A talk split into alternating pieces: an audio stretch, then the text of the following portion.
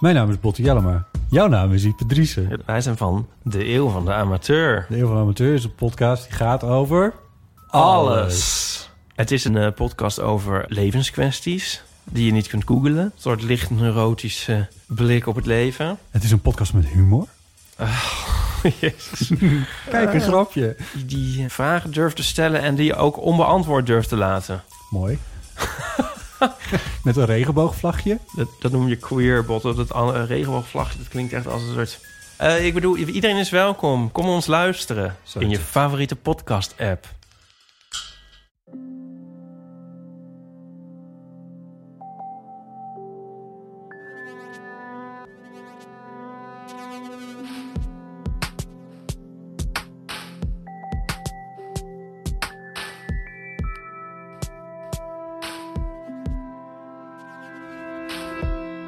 Hey, ik ben Pieter van Relaas. In Relaas hoor je waar gebeurde verhalen en die worden verteld door de mensen die ze zelf hebben meegemaakt. Iedereen heeft in het leven wel een moment waar je keihard naar uitkijkt. Die grote reis die je binnenkort gaat maken. Dat moment dat er zit aan te komen waarop dat je eindelijk op je eigen benen gaat staan. Misschien ook een dag waarop dat je hoopt dat alle miserie voorbij zal zijn.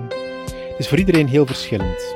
En als je eens goed rondhoort naar wat dat moment voor de anderen is, dan helpt het soms wel eens om dingen in perspectief te plaatsen, vind ik. En laat dat nu net zijn wat dat relaas wil doen. Wij stimuleren elkaar om naar elkaars verhalen te luisteren, zodat we de anderen, maar ook onszelf beter kunnen begrijpen. Claudetta vertelt over het moment in haar leven waar ze zo hard naar uitkeek en wat er gebeurde toen het eindelijk daar was.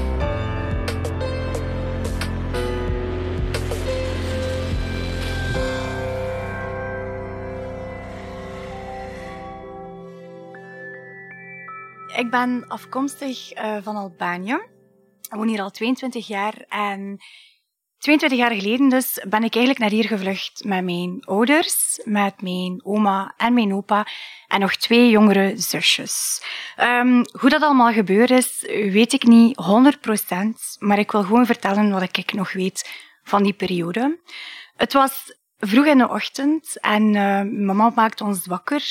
We waren een beetje verschoten, want het was nog heel donker. Het was ook wel ergens midden oktober, dus het was wel redelijk donker op zich.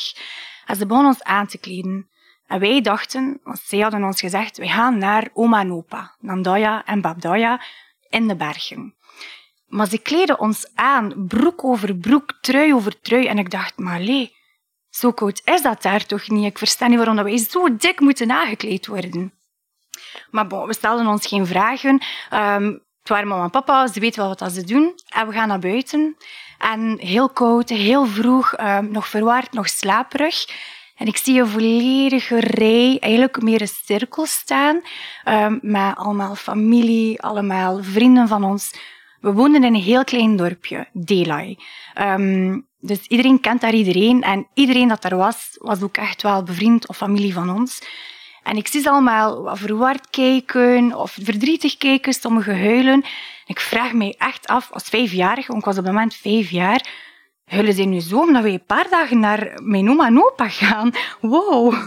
Ehm, dus ja, we nemen afscheid. Ik zie mijn ouders in verwarring, ook huilen, heel verdrietig zijn.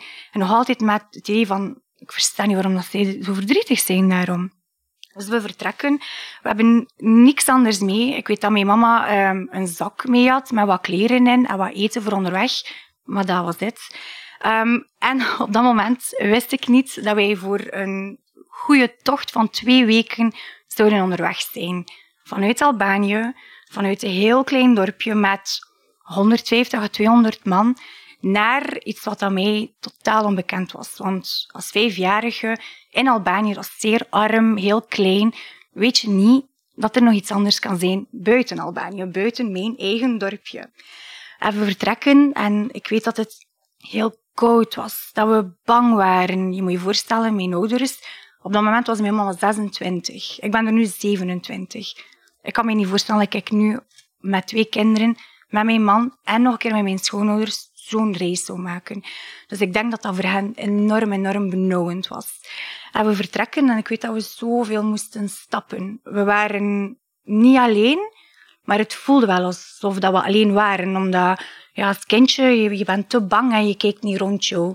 En wij wandelen en wandelen en wandelen. En naarmate dat eigenlijk, ja, het werd dag en het werd dan avond, het werd dan nacht, en we hadden geen flauw idee waar we waren. Dus ik weet nog dat we aan het wandelen waren en op bepaald moment ons ja, gingen verstoppen, uh, zeg maar, omdat er boven ons um, superveel helikopters rond aan het vliegen waren. 1999, volle oorlog, Kosovo, Albanië, heel veel mensen vluchten. Mensen weten dat ook. Dus ze komen ons ook wel controleren, kijken of dat er vluchtelingen zijn, waaronder wij. Um, en ik weet nog dat ik zo bang was. Dat ik, ik, weet, ik heb zelf geen beeld van mijn broer, uh, van mijn zussen, uh, van mijn mama, van mijn papa. Ik weet gewoon dat ik bang was. En dat we ons verstopten terwijl dat die sirenes hingen, luid op, met, met van die grote lichten. Dat beeld, dat, dat is iets wat je bijblijft. Die grote flitsen op jou. Um, we lagen daar, we zaten daar in de struiken en het eerste wat we konden eigenlijk eten op dat moment waren braambesjes. Um, heel raar hoe dat ik dat nog weet, maar ik weet dat we die aan het plukken waren van de struiken waar we zaten en samen aan het eten, aan het eten waren. Um, wat er daarna gebeurd is, weet ik niet zo goed. Ik weet wel dat we dan sowieso wel verder gestapt hebben. En op een bepaald moment moesten wij um, een oceaan, een meer, een rivier, geen flauw idee wat het was, maar we moesten water oversteken. En superkleine houten bootjes. Als jullie uh, de notebook hebben gezien, zo'n romantisch momentje met Noah en Ellie in de boot, zo'n bootjes waren het. Um, heel schattig. Je kunt er maar met maximum vijf in. Wij zaten daar met 25 tot 30 man in die bootjes. We hadden geen begeleiding, niemand die de weg wist allemaal bange families, eh, bange jongeren, bange kinderen, bange grootouders ook. En toch deden we het. Um, ik weet dat wij onderweg waren in dat water, altijd in de nacht. Want overdag stapten we, was er ook minder kans om eigenlijk gepakt te worden. En s'avonds over zo'n groot water is toch wel redelijk riskant. Dus we deden het s'nachts. En ik heb verhalen gehoord, achteraf van mijn ouders, waarvan dat je echt... God kan bedanken dat ik eigenlijk hier nog zit en dat ik eigenlijk mijn volledige familie nog heb. Kinderen die verdronken waren, mensen die verdronken zijn, mensen die nooit teruggevonden zijn geweest. En wij waren er nog uh, met ja, superveel man, een hele grote familie. Op een bepaald moment um, weet ik ook van zeggen uh, dat mijn oma in dat water was gevallen. En dat ze daar eigenlijk echt met heel veel, heel veel hulp um, ja, er terug in geduwd hebben in de boot. Um, waar ik, als ik er nu aan denk, dat ik nooit mijn oma zo, zo gekend heb, dat dat echt heel pakkend is. Um, ja, bon, we komen toe. Alles, alles is eigenlijk relatief goed gegaan. En ik weet dat we nog heel veel gestapt hebben ergens in Italië of, of België al. Ons doel was Engeland, dus mijn ouders keken rechtuit naar Engeland. Maar natuurlijk, naar Engeland, daar geraak je niet zo gemakkelijk. Je moet al wat stappen, je moet al wat doen, landen bezien. En um, ik weet nog dat we ergens zaten. Voor mij was dat een, heel groot um, huis, heel groot gebouw. En we kwamen binnen en er waren één of twee kamers. Super groot. Um, ja, een soort ja, hele grote slaapkamer, maar allemaal matrassen op de grond. En daar zaten we, niet enkel wij, maar ook andere families. En voor mij was het echt van, oh, een bed. Ik kan ik slapen, ik kan ik rusten. Ik, moet die boot niet voor mij zien, ik moet dat water niet voor mij zien. Ik zie mijn ouders een beetje relaxen, ik zie mijn ouders naar lucht hebben, ik zie mijn ouders ademen. En dat deed mij ook wel heel goed. En ik weet niet hoe lang dat wij daar verbleven zijn. Ik weet wel dat wij sliepen, s morgens wakker werden en um, dat ik mijn papa zag uh, binnenkomen met twee plastieke zakjes met daarin molto's. Molto's, dat zijn van die um, croissantjes waarin dat er zo vulling in zit. Meestal is dat aardbei, chocolade en hij bracht dat. En voor mij was dat zo van klein beetje zo dat Albanië-gevoel dat terugkwam. Een molto dat wij kenden uit Albanië, hier ergens waar wij totaal niet weten waar we zaten. En het smaakte fantastisch. um, ik had daar een vriendinnetje gemaakt. Um, terug, ik ken niemand van vriendinnen, heb ik eigenlijk ook echt nooit ja, gekend, omdat wij waren in zo'n kleine dorp. Iedereen kende elkaar, we waren familie, vrienden. Uh, maar echt ja, mensen van onze leeftijd, kinderen van onze leeftijd, was zeer uniek, speciaal. En ik had daar een vriendinnetje leren maken. En dat was een van de meest goh, mooie en, en, en verdrietige momenten dat ik eigenlijk onthoud. En was dat we aan het spelen waren uh, buiten nog, daar. En dat zij een ring had. Um, ik, nooit een ring zien hebbende, uh, vond dat zeer, zeer, zeer speciaal. Ik, uh, ik, mocht dat aanraken, ik mocht dat een keer aandoen. Dat voelde zo fijn. En ik weet dat zij, voordat zij ging vertrekken met haar familie, um, dat ik die mocht hebben. En ik was daar zo, zo, zo blij mee. En ik speelde daarmee en ik keek daar de hele tijd naartoe. En op een bepaald moment, voor dat gebouw, um, had je zo'n ja, soort terrasachtig, maar allemaal stenen. Maar er liep daar zo'n klein rioolputje langs. Dus ik was aan het spelen, die ring veel te groot, valt daarin. En ik weet nog dat ik zo hard ermee ingezeten had, dat ik dat kwijt was. Omdat dat voor mij een gevoel was van, ik ben haar kwijt. Um, dus ja, dat gebeurt. I need to get over it. Mijn ouders zeggen van, man op, we moeten verder. En we gaan verder. En um, daarna weet ik eigenlijk niet zo heel veel meer. Ik weet dat we dan eigenlijk in België aankwamen. We hadden hier één kennis um, die ons enorm veel geholpen heeft. Tot op vandaag nog een van mijn favoriete verre onkels is. Um, wat ik wel nog weet, is dat we in de rij stonden in Brussel. Uh, om ons ja, in te schrijven als asielzoekers. Na heel die weg, allemaal nog met de familie. We herkenden uh, mensen die, uh, die we gezien hadden. En um, dat was super beangstigend. Je kende de taal niet, je zat er maar te wachten. Dat, dat duurde een, een eeuwigheid um, dat we daar moesten wachten. Maar uiteindelijk werden wij opgeroepen. En wij hadden het idee van, wij gaan ons inschrijven als Kosovaren omdat in Kosovo was het meeste aan de hand. Maar we hadden meer kans om onze papieren uiteindelijk te krijgen, mochten we ingeschreven zijn als Kosovaren, dan als Albanezen. En ik weet nog dat er een, een jonge man was, een, een engel, die voor ons naar beneden is gekomen op dat moment en ons echt heeft gezegd van kijk, schrijf je in zoals je bent, met de namen die je hebt. Omdat we ook onze namen moesten veranderen, aangezien dat wij Kosovaars gingen worden op dat moment. Maar we hebben geluisterd naar veel nadenken, naar heel bang zijn, naar echt smeken van ben je oprecht met ons en meen je dat wel met ons en ben je niet gewoon een, een spion dat ons weg wilt en zo. Um, hebben we toch gedaan. Alle geluk dat we dat gedaan hebben. Want het heeft heel lang geduurd. Zeven jaar om precies te zijn van een beetje bang zijn, um, altijd schrik hebben van de politie, nooit echt weten um, wanneer dat je terug naar je land zou moeten waarvan dat wij twee hele bange momenten hebben gehad. Um, in Beernem was dat, we wonen daar. We hadden um, een huis gekregen om in te wonen van, door mensen die ons kenden en ons hielpen.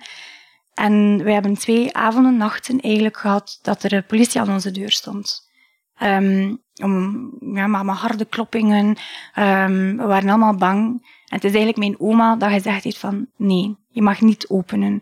Die deur bleef gesloten. Wij slapen, er is niks aan de hand. Kun je je voorstellen dat mocht oma het niet gehaald hebben en wij wel die deur open gedaan hadden, waar wij nu allee, niet eigenlijk meer gezeten hadden, dat wij gewoon direct terug naar Albanië zouden geweest zijn. Dat is zeer uh, een, een, beangstigend gevoel. Uh, maar we hebben niet open gedaan, de twee keren niet. Dat was in de tijdspanne van een week, denk ik. Um, dus ze zijn niet geweest. En dan zeven jaar later, we zaten op school naar Assenbroek verhuisd. En um, ja, school was gedaan. Um, ik was aan het wachten op mijn ouders om mij te komen ophalen. Maar die kwamen maar niet. Ze hadden mij beloofd, ons beloofd eigenlijk, uh, dat ze ons gingen ophalen met een auto. En ze deden dat niet. En ik was super boos toen ik mijn opa zag. Niet omdat het hem was, maar gewoon omdat ze hadden beloofd. En ik wou dat zij kwamen en ik wou niet te voet gaan. En dat was twintig minuten stappen en ik was moe. En ik had een zware rugzak en ik wou gewoon snel naar huis. En ik zie mijn opa um, opkomen op de speelplaats en hij is aan het roepen. En ik dacht, oh nee, niet roepen. Niet voor iedereen dat ik ken. Niet in mijn school. Niet waar mensen mij elke dag moeten zien. En ik verstond het niet zo goed wat hij aan het roepen was, totdat hij dichter en dichter kwam. En ik hoorde, Nakandal Letrat, maar heel luid. En Nakandal Letrat vertaalt zich in het Nederlands als in, we hebben onze papieren gekregen. En dat was voor mij een, een moment. Ik huilen, mijn zussen nog, nog klein, Ze wisten niet echt wat er aan de hand was, maar ik huilen, opa huilen. Niet wachten om naar huis te kunnen, naar huis gaan, mijn ouders zien huilen. Um, er, was, er was muziek, er was blijdschap. Um, ik heb denk ik in zeven jaar, in, in al die momenten dat we eigenlijk gehad hebben in België en al die herinneringen en al die dingen dat gebeurd zijn, mijn ouders hoogstwaarschijnlijk nog nooit zo, zo gelukkig, intens, puur gelukkig gezien. En dat was het.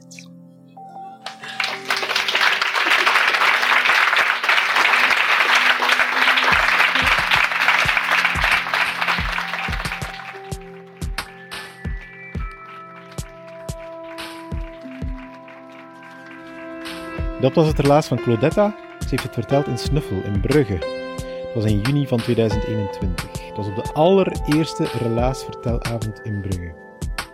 Een verhaal uit Assenbroek dat we waarschijnlijk nooit gevangen hadden mocht relaas in Brugge niet bestaan. En dat maakt relaas relaas. We hebben een netwerk van verhalenvangers die met jou en jouw verhaal aan de slag gaan en dat verhaal coachen tot het helemaal goed zit. Chris, de persoon die het verhaal van Claudetta op de live vertelavond aankondigde, die vertelde zelf hoe dat coachingproces in zijn werk ging tussen hem en Claudetta. Ik heb uh, zo mijn schriftje bij en ik zeg, vertel maar. Ik ga jou niet onderbreken, ik ga gewoon wat opschrijven en nadien kan ik dat wel zeggen van wat er mij opgevallen is. Goh, ik denk dat iedereen een beetje zijn eigen manier heeft. Maar bij Claudetta, uh, zij begon te vertellen en ik weet dat ik in het begin een zin opgeschreven heb en dan nog eentje. En hoe meer dat zij vertelde, hoe minder dat ik te schrijven had. En op den duur heb ik gewoon mijn balpen neergelegd en heb ik geluisterd. Ik heb dan ook gezegd van, je zit er klaar voor. Relaas is er dankzij de steun van de dienst cultuur van de stad Gent en van de Vlaamse gemeenschap. En ook dankzij ons netwerk van vrijwilligers. Allemaal heel toffe mensen die relaas maken door verhalen te vangen, door die te coachen, door die op een podium te brengen, door die op te nemen, te monteren, te podcasten en te verspreiden. Jullie zijn allemaal toppers. En jullie bedankt om te luisteren. Stuur dit verhaal door naar iemand aan wie dat je moest denken terwijl dat je luistert. En als je zelf ook eens wil vertellen, dan kan je ons een berichtje nalaten